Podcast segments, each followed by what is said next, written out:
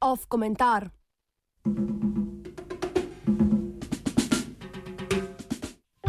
Afriška dediščina po francosko. Ne morem sprejeti, da se velik del kulturne dediščine mnogih afriških držav nahaja v Franciji, je pred letom dni na obisku v Burkina Fasu dejal francoski predsednik Emmanuel Macron.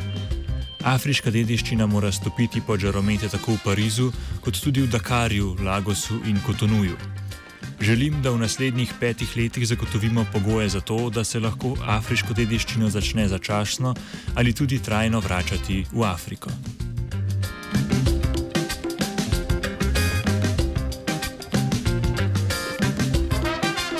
Zdi se, da Macron začenja izpolnjevati lanskoletne obljube.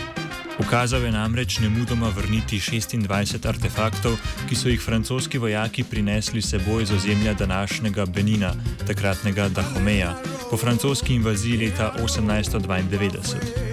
Prav tako je imenoval dva strokovnjaka, ki naj bi do naslednjega novembra preučila afriško dediščino v Franciji in pogoje za njeno vrnitev. Podobno kot lanskoletni Macronov govor, so mnogi tudi tokratno dejanje pozdravili kot obrat v francoski postkolonialni politiki. Ena izmed dveh imenovanih strokovnjakov, Benedikt Savoy, je med drugim zapisala, da ta obljuba, citiramo, črpa moč iz generacijskega obrata in kaže na to, da je deliti mogoče. Konec navedka.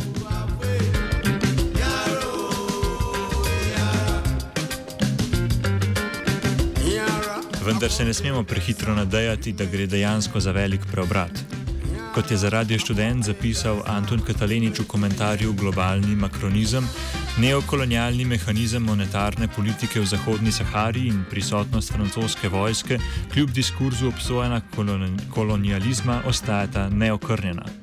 Tudi tokrat nekateri, da nimo profesor za afriško arheologijo z Inštituta za arheologijo Univerze v Londonu Andrew Reid, sklepajo, da je vračanje umetnin prej posledica želje po zagotavljanju dobrih odnosov z državami, v katerih ima vse večji vpliv Kitajska.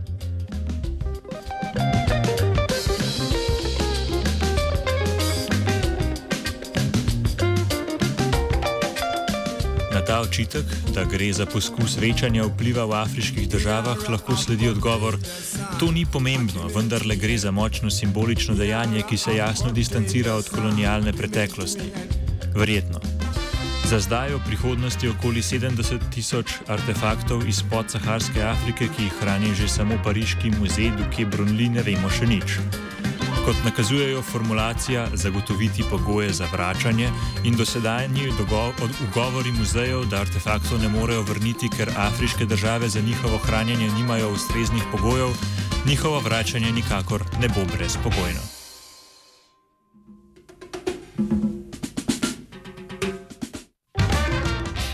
Ne le to.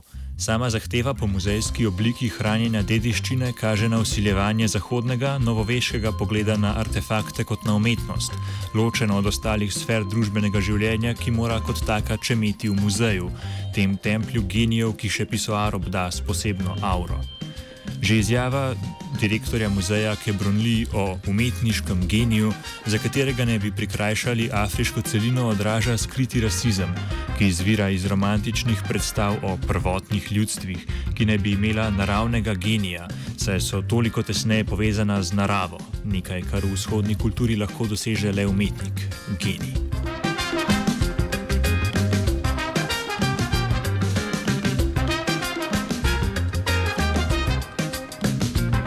Artefakti, ki so jih francozi prinesli iz Afrike, tam niso imeli funkcije umetnin, saj jih niso izdelovali geniji, ki bi se skozi ustvarjanje dvignili nad banalnost sveta ali karkoli že zajemajo evropske predstave o genijih in umetnosti. Nasprotno, bili so del sveta afriških ljudstev, del vsakda, njihovih vsakdanjih praks, mnogi med njimi so bili nujni del ritualov. Tudi če se artefakti vrnejo v države izvora, ljudstva, ki so jih ustvarila in uporabljala, od njih ne bodo imela nič.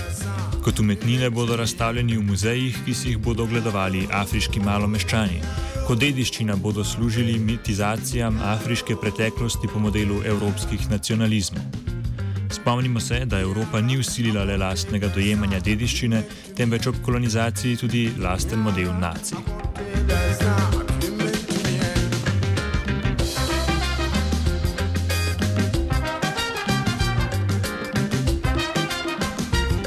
Zastavlja se torej vprašanje, v kolikšni meri današnje afriške države sploh predstavljajo kontinuiteto s političnimi ureditvami pred kolonizacijo. Seveda je vprašanje retorično, a zajema nekaj problematik, mimo katerih ne moremo zlahka. Prvič, kot je izpostavil Simon Ndžami, kurator Dakarskega bienala izpred dveh let, je sama obljuba o vračanju dediščine neumna. Nemogoče je določiti, kaj pripada kateri državi. Meje afriških držav so namreč potegnile zahodne kolonizatorke na, na berlinski konferenci leta 1884 in 85, ne da bi se ozirale na takratno dejansko poselitev in obstoječe meje med ljudstvi. Tako je, ljudstvo, tako je isto ljudstvo lahko pristalo v več različnih državah, katera si torej lasti pravico do njegovih stvaritev.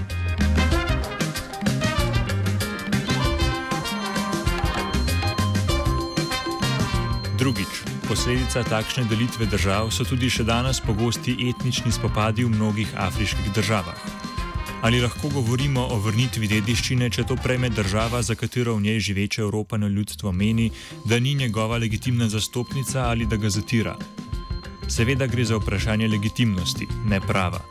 Pa vendar je problem prav posledica kolonialnih meja in usiljevanja evropskega modela nacionalnosti. S tem ne želimo trditi, da je projekt vračanja nelegitimen ali celo nemogoč. Želimo le opozoriti na njegovo težavnost in izraziti plah dvom, da se bo Francija tem problematikam posvetila v dovoljšni meri.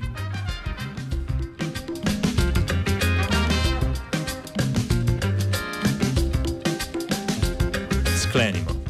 Če se je evropska kolonialistična politika nekoč sklicevala na svojo civilizacijsko poklicanost, zaradi katere je legitimirala kolonialne posege v še neciviliziranem svetu, se danes sklicuje na svojo poklicanost zato, da poskrbi za ohranitev kulturne dediščine nekdanjih kolonij, nekaj česar one same še niso sposobne početi.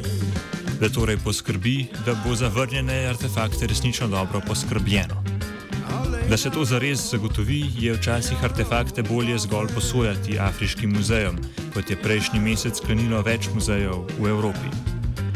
V vsakem primeru, kako bi bili okrnjeni kulturna raznolikost in svetovna dediščina, če te Evropa ne bi vzela pod svoje okrilje, tudi ob njenem vračanju v kraje izvora.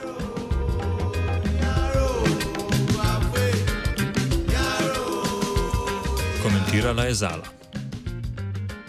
Vse sem mogoče res malo premlad, ne? ampak vsem poslušam radio študent 89,3 MHz.